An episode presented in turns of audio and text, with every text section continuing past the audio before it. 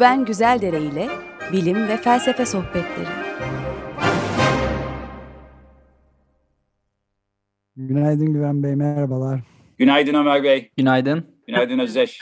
Bugün bir konuğumuz var herhalde. Derya Gürses Tarbak. Siz tanıtımını yapar mısınız? Bahçeşehir Üniversitesi'nden galiba. Tabii bugün bilim tarihi üzerine konuşacağız. Doktor Derya Gürses Tarbak e, konuğumuz. Merhaba Derya Hanım, hoş geldiniz. Merhaba, hoş bulduk. Zaman zaman bilim tarihine değinen bir takım programlar yapıyoruz ama ben bilim tarihçisi değilim. Burada gerçek anlamda bir bilim tarihçisiyle ilk kez bir açık bilinç programı yapmaktayız. Ben konuğumuzu tanıtayım, e, sonra konuya girelim. Doktor Derya Gürses Tarbak, Bahçeşehir Üniversitesi'nde e, öğretim üyesi. Lisansı Orta Doğu Teknik Üniversitesi Matematik Bölümünden, daha sonra yüksek lisans ve doktora derecesi için e, Bilkent Üniversitesi'nde öğrenci oluyor, tarih bölümünde ve bilim ve düşünce tarihi alanında doktorasını yapıyor. Yurt dışında Kaliforniya Üniversitesi, Los Angeles, Cambridge ve Edinburgh üniversiteleri gibi üniversitelerde bulunmuşluğu var. Yeni Çağ Avrupası Bilim Düşüncesi Tarihi uzmanı. 2006 yılında da Türkiye Bilimler Akademisi'nden Genç Bilim İnsanı ödülü almıştı. Ben e, Nim Derya Hanım'la tanışmama vesile olan şey e, 2016'da yayınladığı kitabı Enlightenment Reformation aydınlanma islahatı diye herhalde çevireceğiz. Dini düşüncenin, bilimsel düşüncenin e, birbirleriyle ne şekilde etkileşim içinde olduklarını 18. E, yüzyılda aydınlanma e, sürecinde anlatan güzel bir kitap. Bir de Derya Hanım'ın bu dönem Bahçeşehir Üniversitesi'nde herkese açık olarak vermekte olduğu, internet üzerinden vermekte olduğu bir çevrim içi bilim tarihi dersi var. Ondan da programın sonunda biraz bahsedelim istiyorum. Fakat isterseniz önce konuya sizin çalışma alanınızın ne olduğunu biraz anlatarak e, girelim. Yani hem bilim tarihi bir akademik disiplin olarak ne zaman ortaya çıktı, bir bilim tarihçisi genel anlamda bir tarihçiden ne şekilde farklıdır, bilim tarihine ilgi duyanlar e, nasıl bir yol e, izleyebilirler, buralardan başlayalım isterseniz. Bilim tarihinin tarihçesinden biraz bahsetmek istiyorum. Yani bilim tarihi e, meselesinin bir disiplin olarak nasıl ortaya çıkmaya başladığı ve daha sonra da nasıl evrildiği ve vaktimiz kalırsa da benim disiplinin e, nasıl bir yol izleyeceği konusundaki öngörülerimle kapamak istiyorum konuşmamı. Şimdi e, George Sarton bu işin bilim tarihinin bir meslek olarak başlamasının asıl kişisi yani e, ne denir ona e, bilim adamı. Şimdi George Sarton bilimi bir medenileştirme projesi olarak görüyor. Yani bu ne demek? E, bilim tarihi de yaparsak eğer medenileştirme projesini hayata geçirmiş oluyoruz ve daha e, geniş kitlelere e, yaymış oluyoruz. Dolayısıyla George Sarton'un eserleriyle birlikte bilimler tarihi, spesifik olarak bilimlerin farklı farklı özelliklerinden yola çıkarak değil, genellikle bilimler tarihi perspektifinden e, bunu inceliyor. Şimdi e, bunu bir Sarton bir hümanizm olarak tanımlıyor. Yani yeni hümanizm olarak tanımlıyor. Yani hümanizmanın getirdiği, Rönesans'ta getirdiği çoklu bilgi, çoklu ilgi meselesini 20. yüzyılın ikinci yarısından itibaren bilim tarihi çalışmalarında e, görmek mümkün. Zaten de bilimler tarihi olarak bunu ifade ediyor. Dolayısıyla e, bilim tarihinin sürükleyici bir rolü olması gerekiyor Sarton'a göre. Yani uygarlaştırıcı, medenileştirici bir yönü olması gerekiyor Sarton'a göre. Biraz daha ilerlersek eğer Sarton'dan sonra Analiz Okulu adını verdiği tarihçilerin çok uh, kullandıkları uh, Analiz Okulu adını verdiğimiz bu uh, düşünce şekliyle, tarih yazımı şekliyle bilim tarihinin biraz evrilmeye başladığını göreceğiz. Bu da nasıl oluyor? Analiz Okulu'nun genel esprisi şudur e, büyük keşifler, büyük kişilikler, büyük savaşlar yerine genellikle tarihsel bağlam içerisinde bir mentalite anlama egzersizi olarak karşımıza geliyor. Bilim tarihi çalışmaları ve genel olarak tarih çalışmaları. Dolayısıyla tarihsel bağlam olmadan bir mentaliteyi, tarihsel bir mentaliteyi anlayamayacağımız varsayımından yola çıkarak e, bilim tarihi üzerinde bir takım metodolojik değişiklikler yapılmaya başlanıyor. E, Boris Hessen önemli bir isim bu noktada. Şimdi örnek olarak aldığı ve Türkçe'ye de çevrilmiş olan eserinde Boris Hessen e, şöyle bir şey yapıyor. Newton'u genellikle biz ikonik bir bilim tarihçisi olarak biliyoruz. Popüler kültürde böyledir kesinlikle. Fakat Hessen bunu e, Newton'un sadece e, bir ikonik bilim ta, bilimci olarak değil, ayaklarını dokunduğu, ayaklarını bastığı tarihsel bağlam olmadan çok da fazla bir şey ifade etmeyeceği varsayımından yola çıkarak bir tarih yazma teklifinde bulunuyor. Sosyoekonomik bağlam olabilir bu, e, siyasi bağlam olabilir. Şimdi bu kısmı beni çok ilgilendiriyor çünkü ben aslında ben kendime bilim tarihçisi demek biraz hani utanıyorum. Çünkü ben aslında düşünce tarihi metodlarıyla bilim tarihi çalışıyorum. Yani bu ne demek? Bir buluşun tarihini, büyük buluşların tarihini ya da bilimsel fikirlerin kurumsal olarak nasıl ortaya çıktıklarını değil, bağlam tarihsel bağlamlarıyla birlikte o mentaliteyi dönemin ya da kişinin mentalitesini anlamaya çalışarak vaktimi geçiriyorum profesyonel olarak. Dolayısıyla bu yani Hesse'nin önerdiği metodoloji benim açımdan bilim tarihini, düşünce tarihine bir adım daha yaklaştırıyor.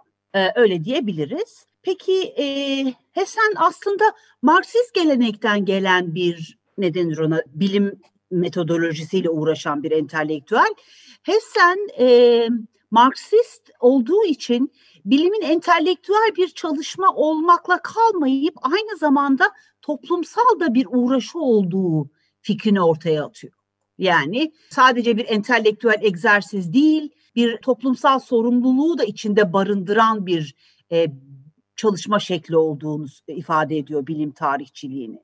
Bu aşamada e, benim aslen ayrıca da bahsetmek istediğim ve e, bilim tarihinin tarihçesi bağlamında önemli bir ne denir ona e, mihenk taşı olan e, düşünür, bilim felsefecisi ve bilim tarihçisi Thomas Kuhn tabii ki. Bu işlerle amatörce biraz ilgilenen e, hemen hemen herkes Thomas Kuhn'un bilimsel devrimlerin yapısı eserini bilir. Bu işin profesyonelleri zaten bilir. Şimdi Kuhn ilginç bir yerde duruyor bilim tarihçiliğinin tarihi bağlamında. Bilim felsefesiyle bilim tarihinin kesiştiği noktada konu oturtabiliriz, yerleştirebiliriz. Bilimin sadece tarihsel olarak değil ama aynı zamanda felsefi olarak da araştırılmasını tavsiye eden bir çalışma alanı açılması gerektiğini ifade ediyor Kuhn. Peki o zaman e, nasıl yapacağız? İşte burada hepimizin bildiği yani Kuhn okuyanların bildiği paradigma değişikliği meselesinden bahsediyor.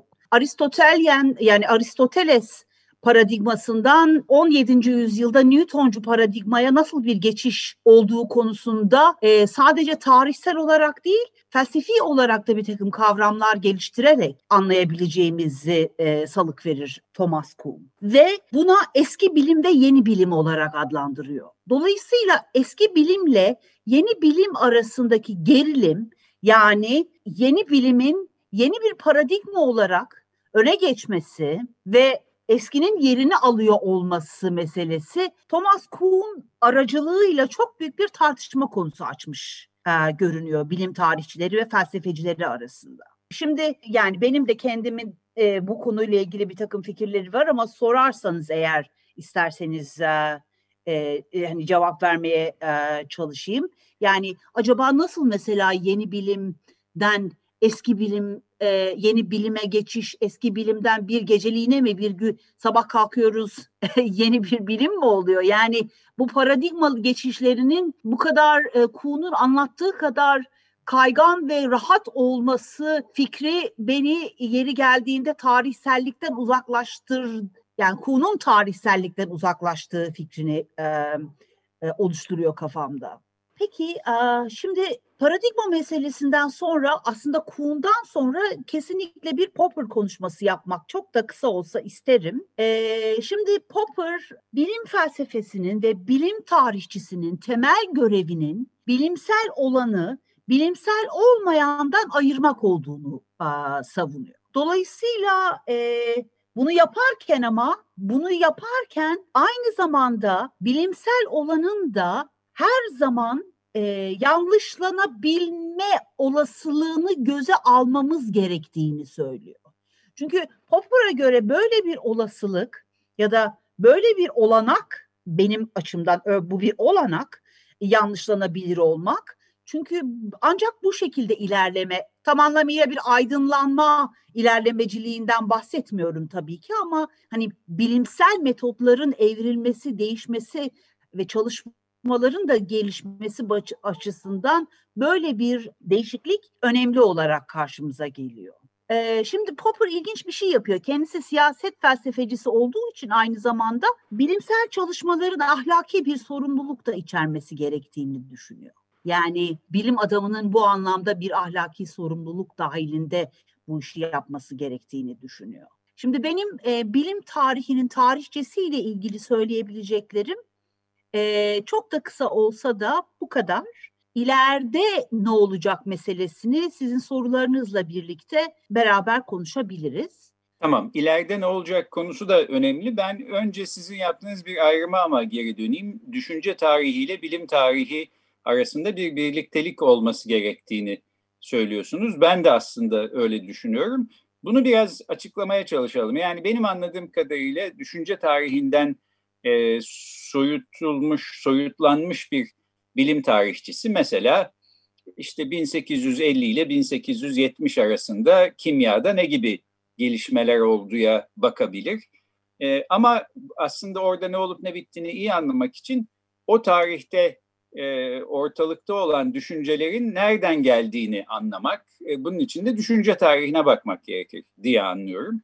E, doğru anlıyorsam benim için de en azından felsefe tarihinde de bilim tarihinde de bir sorunun ne olduğunu kavrayabilmek için aslında e, onların uzaydan gelme bir takım fikirler olmadığını görmek, e, bir evrilme süreci sonucunda oraya vardığını e, anlamak önemli oluyor. Newton gerçekten e, çok nevi şahsına münhasırı dahi bir adam. Kimsenin e, göremediği şeyleri belli bir berraklıkla görüp formüle ediyor ama uğraştığı meseleler elbette başkalarından miras aldığı meseleler. E, bir bütünlük içinde e, görüldüğü zaman e, e, yerine oturuyor. Bunu da düşünce tarihi sağlıyor bilim tarihinin yanı sıra diye anlıyorum. Doğru mu? Doğru, evet. Hatta isterseniz yani Newton'la ilgili e, çok konuşulur ama ben sizin kimya örneğinizden yola çıkarak bunu sizin argümanınızı desteklemeye çalışayım izninizle. Şimdi kimyada 18. yüzyılda bir flogiston e, teorisi vardır. Yani Lavoisier ortaya çıkmaya başlamadan önce maddelerin nasıl tutuştuğunu anlamak için bir takım teoriler ortaya atılıyor. Flogiston bunlardan bir tanesi. Sonra e, oksijenin de ortaya çıkmaya baş yani ne denir ona keşfiyle birlikte asıl e, tutuşturan e, unsurun oksijen olduğu e, kanıtlanacak. Şimdi klasik bir bilim tarihi yazımında, çalışmasında sizin de dediğiniz gibi flogistondan oksijene nasıl bir geçiş sağlandığını bilimsel olarak açıklayabilirsiniz. Yani kimya e, sınırları içerisinde kalarak. Ama ben mesela e, Bununla ilgili bir makale yazıyorum bu aralar. Şeyle merak ediyorum. Mesela e, vitalizm diye bir kavram var o, o dönemde.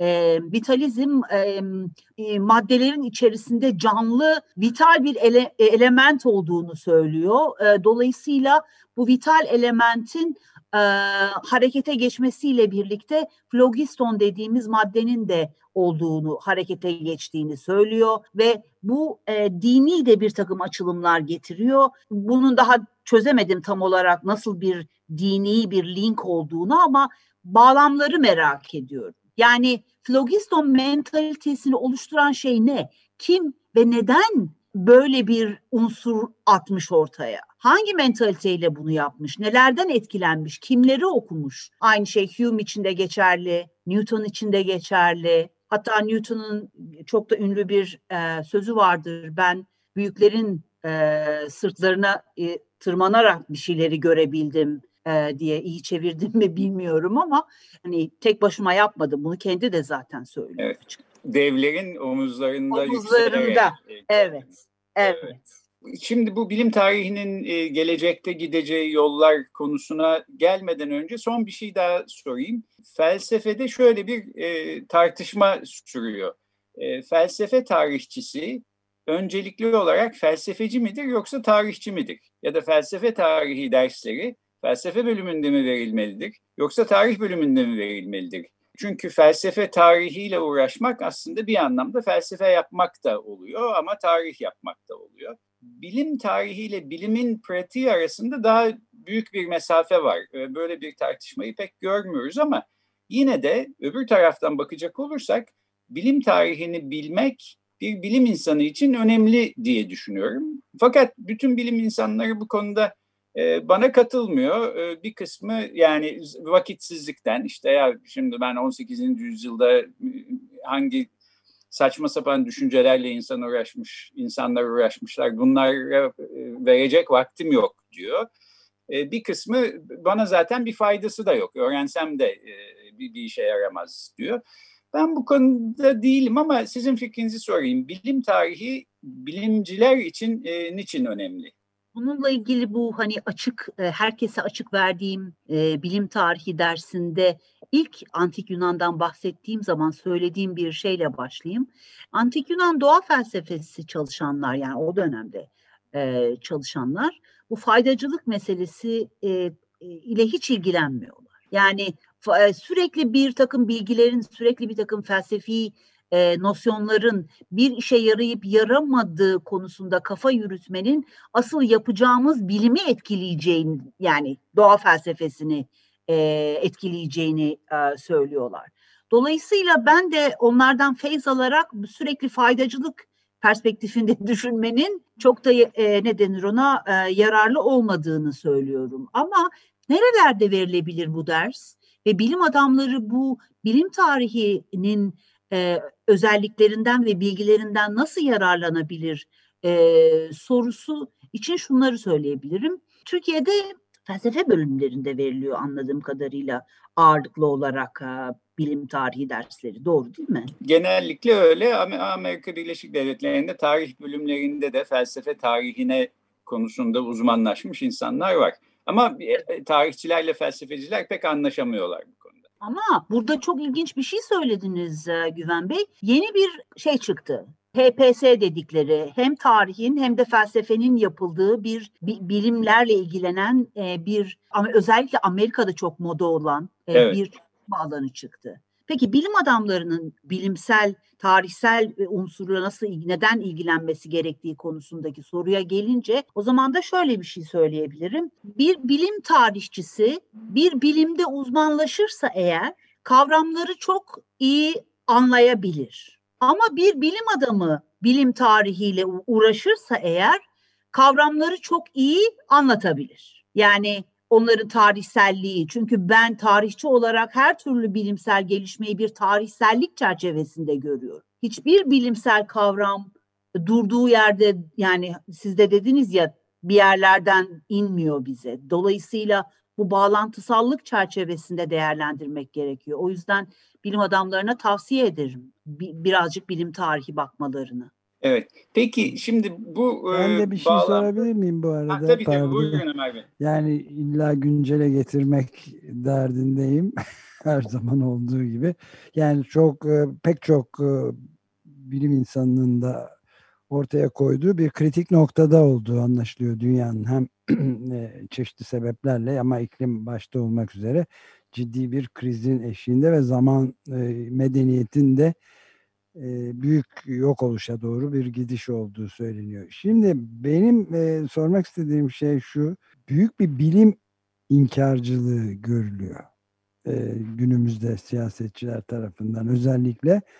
Ama bunun aynı zamanda bir iklim değişikliği inkarcılığına da dönüştüğünü ve üçüncüsü de bir demokrasi inkarcılığına da dönüştüğü bir 300 bir kriz noktası gibi geliyor bana. Siz ne dersiniz böyle bir şeye? Çok iyi bir soru bu. Üç aşamalı bir soru. Tersten yani sondan başlayayım. Şimdi bilim tarihinde bir ilginç bir sorudur Ömer Bey. Bilimsel çalışmaların en iyi şekilde yapılması için gerekli ortam acaba demokratik bir ortam? Ee, yani sadece demokratik bir ortam mıdır?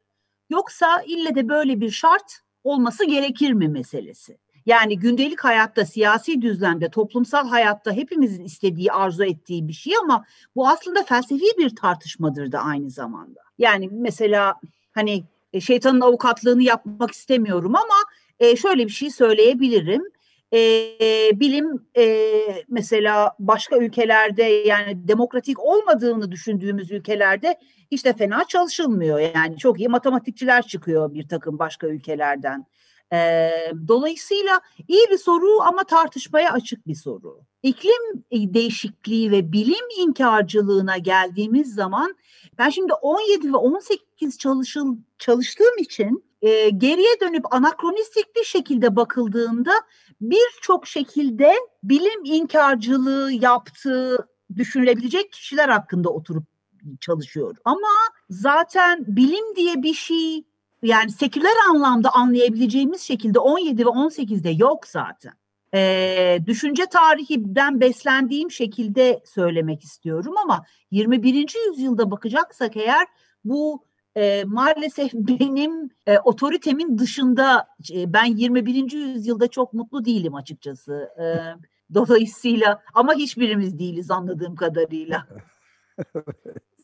Peki ben de güncelden devam ederek o zaman programın son kısmında son bir soru sorayım. Bu Bahçeşehir Üniversitesi'nde verdiğiniz ders anladığım kadarıyla rekor bir öğrenci e, kitlesi tarafından izleniyor. Belki sınıfta normal zamanlarda pandemi dışında karşınızda olmayacak kadar büyük bir öğrenci kitlesi var. Bu da bilim tarihine ciddi bir ilgi olduğunu bana gösteriyor ve bazı dersleri internet üzerinden yapmanın belki böyle bir faydası oldu. Ben bu dersin linkini de e, Açık Bilinc'in Twitter e, hesabından koydum. İsteyen oradan bakabilir ama bu ders hakkında bir iki bir şey e, söyleyerek bir de vakit kalmadı ama bilim tarihinin geleceği var mı? E, nereye gidiyor? Bunlarla birlikte programı bitirelim isterseniz. Size bırakayım. Çok teşekkürler, memnuniyetle. Şimdi e, yaklaşık iki ay önce Twitter'da acaba ilgilenir misiniz diye bir mesaj attığımda yaklaşık 7 bin tane kişi evet isteriz cevabını verdi bana. Müthiş. Dolayısıyla benim boynumun borcudur. Zaten Twitter'ı ben birçok arkadaşım gibi bir toplumsal sorumluluk projesi olarak kullanıyorum. Yani bir, yani kendi çalışmalarımdan popüler örnekler vererek kullanıyorum. Böylelikle internet, okulun sağladığı internet altyapısıyla birlikte kalabalık bir gruba gerçekten ders verebiliyorum ama dersem böyle son derece teknik bir dizgede gitmiyoruz. Temel bilgiler veriyorum. 101 dersi veriyorum açıkçası. Dolayısıyla e, herkese hitap ediyor. Yani 7'den 70'e herkes bilgisayarını açıp dinleyebilir beni. Nereye gidiyoruz bilim tarihinde sorusuna cevap verecek olursam eğer e, o da şu. Türkiye'de ne kadar takip ediliyor bilmiyorum ama kolonileşme karşıtı çalışmalar var Avrupa'da ve Amerika'da. Dolayısıyla Avrupa merkezci bir yaklaşımı bir kenara bırakmak için global tarih perspektifi çok fazla ortaya çıkıyor. Dolayısıyla gideceği yön bence global tarih perspektifi. Ama global mikro tarihte benim gönlümün gideceği yol olarak karşımıza geliyor. Çünkü e, diyelim ki bir astrolabdan bahsediyorsunuz. Sadece İslam bilim adamlarının e, uğraştığı, kullandığı bir unsur değil, dünyadaki onun izini sürmek. Yani mikro bir bilimsel bir enstrümanın dünyadaki izini sürmek, tarihsel bir süreçte bunu yapmak şeklinde oluyor. Evet, e, salgın geride kaldıktan sonra bile bu internet üzerinden verdiğiniz ders umarım devam eder. E, yüzlerce, binlerce öğrenciye bilgi ve ilham kaynağı olmaya devam edersiniz. Çok teşekkür ediyoruz programa katıldığınız için. Doktor Derya Gürses Starbuck Bahçeşehir Üniversitesi'nden bugün konuğumuzdu. Bilim tarihi üzerine konuştuk. Haftaya görüşmek üzere, hoşçakalın. Çok teşekkürler, hoşçakalın. Hoşçakalın.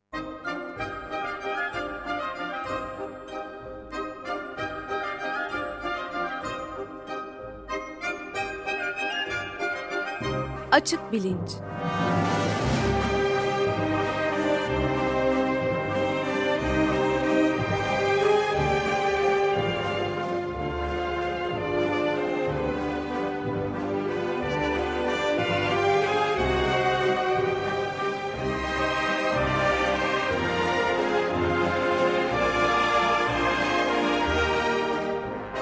Güven Güzeldere ile bilim ve felsefe sohbetleri.